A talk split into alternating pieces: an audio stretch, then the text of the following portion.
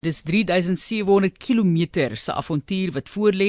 Ons gesels met Daniel Kritzinger. Nou hy is 'n algemene praktisyn op Bethlehem, maar hy is ook die spandokter van 'n internasionale groep avonturiers wat poog om die eerstes te wees om die 3700 lange Noordwes deurgang wat die Atlantiese Oseaan en die Stille Oseaan verbind te roei.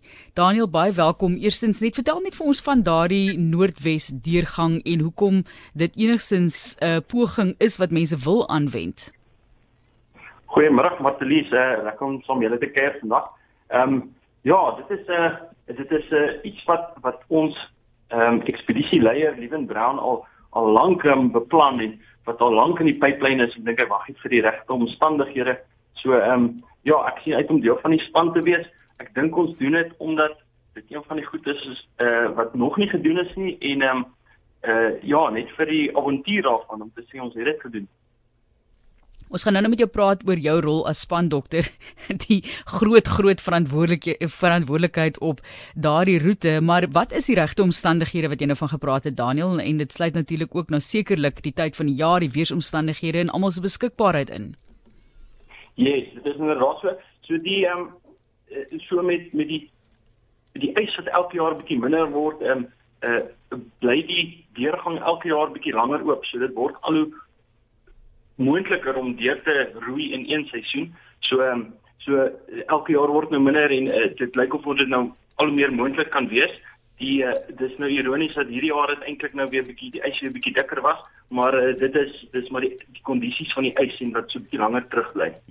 Daniel, die feit dat jy nou saamgaan, soos Marlies gesê het, jy's nou 'n spandokter, maar dit beteken nie jy kan nou net op die rug van die ander ouens ry nie. Uh, jy moet sekerlik ook daai stetoskoop met tye vir iets anders vir ruil of hoe? Ja, yes, nee, seker. Um elkeen in die span het 'n het 'n spesifieke rol, maar elkeen is 'n uh, eerste roeier. So um ek uh, is sal maar moet oefen om om ook maar my bydrae agter die spanne te bring. Sjoe. ja, dit is nou nie 'n grap nie. So kom ons praat bietjie oor jou rol dan as spandokter. Jy moet al die pad saam roei. Is dit nou reg of gaan daar dan 'n tyd wees wat jy saam op 'n boot. Ek meen op op 'n manier moet daar sekerlik 'n bietjie sisteme saamgaan en baie keer moet as die ouens hier oor swem Robben Eiland toe dan is daar 'n NSRI boot of hoe dit ook al sê wat saamgaan. Nee, e-, eintlik nie. So die idee is om met 'n 'n ongeondersteunde ekspedisie te doen. So almal wat op die boot is, um, is daar vir die volle 2 of 3 maande, hang of hoe lank dit ook al vat. So die plan is om 8 of miskien 10 op die boot te wees en uh, almal maak dan beurt om te roei 2 ure aan 2 ure af so en daai 2 ure wat jy nou roei dan roei jy en as jy 2 ure rus dan kan jy dalk 'n bietjie slaap en kos maak. Ehm um, so dit is dit is die beplanning sover. Ons sal uh, sien hoe gaan dit. Ehm um, hopelik kan ons bietjie meer as dit. Nou, vertel net vir ons hoe jy in jou werk ook gaan doen om as dokter op te tree. So, want jy moet na jouself ook nou kyk hierso. So, selfsorg is seker die belangrikste ding se daai suurstof masker op jou eerste voordat jy iemand anders probeer help. So, vertel vir ons hoe gaan jy dit hanteer? Jy yes, sê die ek is ek is maar een maar een van 'n van 'n span van 'n komp mediese professionele wat saamgaan.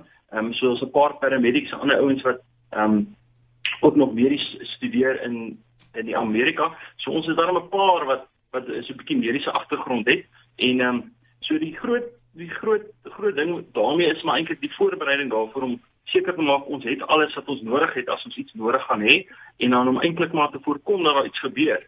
Ehm um, so mens kan nie vir alles beplan nie, so jy beplan maar vir die algemeenste oorsake of algemene probleme wat maar eintlik alledaagse probleme is, miskien 'n keelseer, miskien 'n skouer wat seer is of so en dan maar jy maak maar reg vir as iemand nou ernstig moet siek word of so.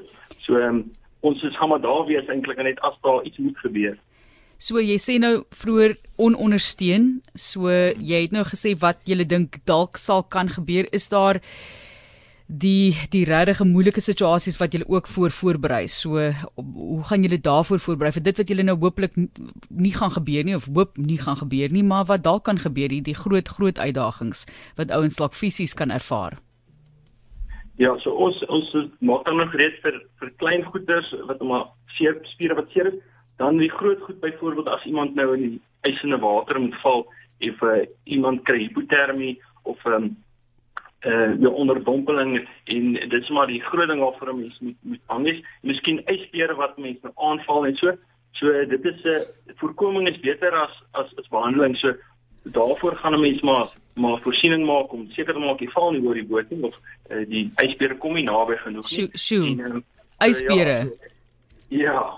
Ja. Sommer net so. Dit klink baie baie rof. Hoe hanteer 'n mens daai situasie? Ek meen hier is altyd so afgespot, jy weet, as 'n haai. Ek sê dit altyd, ek het gevra toe ek hier geroei het hier buite voor uh, na Robben Eiland toe en vra my, "Maar wat doen jy as 'n haai nou moeilikheid maak met die kajak en so?" Dan sê hulle, "Nee, maar blykbaar moet jy sommer net by die spaan op die haai se snoet slaan." Nou dit is 'n bietjie spottender gewys van my kant af. Hoe hanteer jy daai tipe van uitdagings? Ja, ek dink nie mens staan 'n kans as 'n as 'n ysbeer jou aanval nie. So ons um, vat gewere saam en ook ander afskrikmiddels om as hulle nou naby kom, hulle eerder af te skrik en as as dit nou op so 'n punt moet kom dat ons en eh, dan as ons dan weer moet skiet om ons eie lewens te red, maar ons hoop dit gaan nou glad nie op tot op so 'n punt kom nie. Ek dink uh, mense staan nie kans enigsins teen 'n teen ysbeer nie. Jesus Daniel, jy wil binne uh die eerste mense eintlik wat dit in een seisoen sonder hulp van buite af reg kry. Dis nogal 'n belangrike uh, punt, jy weet, want 'n mens het dikwels hierdie ondersteunende spanne, dit is so Sherpas wat vir jou begelei in die berg op en dan voel jy self baie trots as jy daar is, maar hulle draf dit amper elke dag op en af. Maar jy weet dit is die groot uitdaging nê ook dat jy weet jy is baie uitgelewer indien daar iets verkeerd sou loop. Ja, verseker. Ehm um, so daar's al seker mense weet aan die begin en aan die einde dalk kameras so dat ons 'n bietjie afneem en so so 'n paar dae sal met ons op 'n dag of twee sal met ons wil gaan, maar as hulle nou 3 maande daar langs ons moet ry en eintlik niks gebeur nie, ehm um, dan, dan kos hulle net eintlik 'n klomp geld wat ons nie ons nie het nie. Ehm um, so dit is deel van die van die ding, uh deel van die avontuur of die ekspedisie. Meeste van die lede in die span het daarmal oor die oseaan geroei heeltemal alleen ook. So hulle weet daarom wat wat dit als behels en uh, so ek is dan ook in veilige hande voel ek. Net van my kant af ook Daniel laastens indien julle dit nou suksesvol aflê en ons hoop regtig dat dit alles vlot verloop sover moontlik en dat jy nie te hard hoef te werk as spandokter nie waar sal dit dan nou opgeteken word as die eerste is is daar een of ander rekord hierso ook wat julle probeer breek? Gaan julle in die Guinness boek van rekords kom? Nie ek spot nou maar net oor die rekordsake maar op watter manier sal daardie groot groot oorwinning dan van die natuur gevier word? Ja, seker dit sal dit sal definitief 'n rekord wees. So die rekord is dan ek dit nie as ek nou nie verkeerd is nie, is dit om in een seisoen reg deur sonder enige of in met mannekrag deur te gaan uh, of te roei. Uh, so daar is al mense wat deur geroei het, maar dit is nie in een seisoen nie. So dit is maar waar dit waar die kruks inkom. Dis die Noordwes deurgang en ehm um, ek sien sommer op julle webtuiste byvoorbeeld om dit te herdenk het julle 'n jenevertjie, 'n gin gemaak. Nou wil ek net vir jou sê as julle dit saamneem, julle gaan nie 'n gebrek aan ys hê nie. Ai. Nee, nee, seker nie. ai ai ai. Dit is Daniel Kritziger wat so gesels, hy's die spandokter van 'n internasionale groep avonturiers wat dan nou gaan poog om eerstes te wees om die 3700 km lange Noordwes deurgang by die Atlantiese Oseaan en die Stille Oseaan verbind te roei. Hy self aan die oefen, algemene praktisyn in Bethlehem. Daniel, hoe gaan dit met jou oefening? Uh hoe voel die groep voordat julle nou wegspring? Wanneer spring julle weg ook te loops? So ek is ek is aan die oefen, seker nie soveel soos wat ek veronderstel is om te oefen nie. Ehm um, maar die ekspedisie sou eintlik al verlede jaar plaasgevind het en toe gebeur daar 'n wêreldpandemie wat niemand voorspel het nie.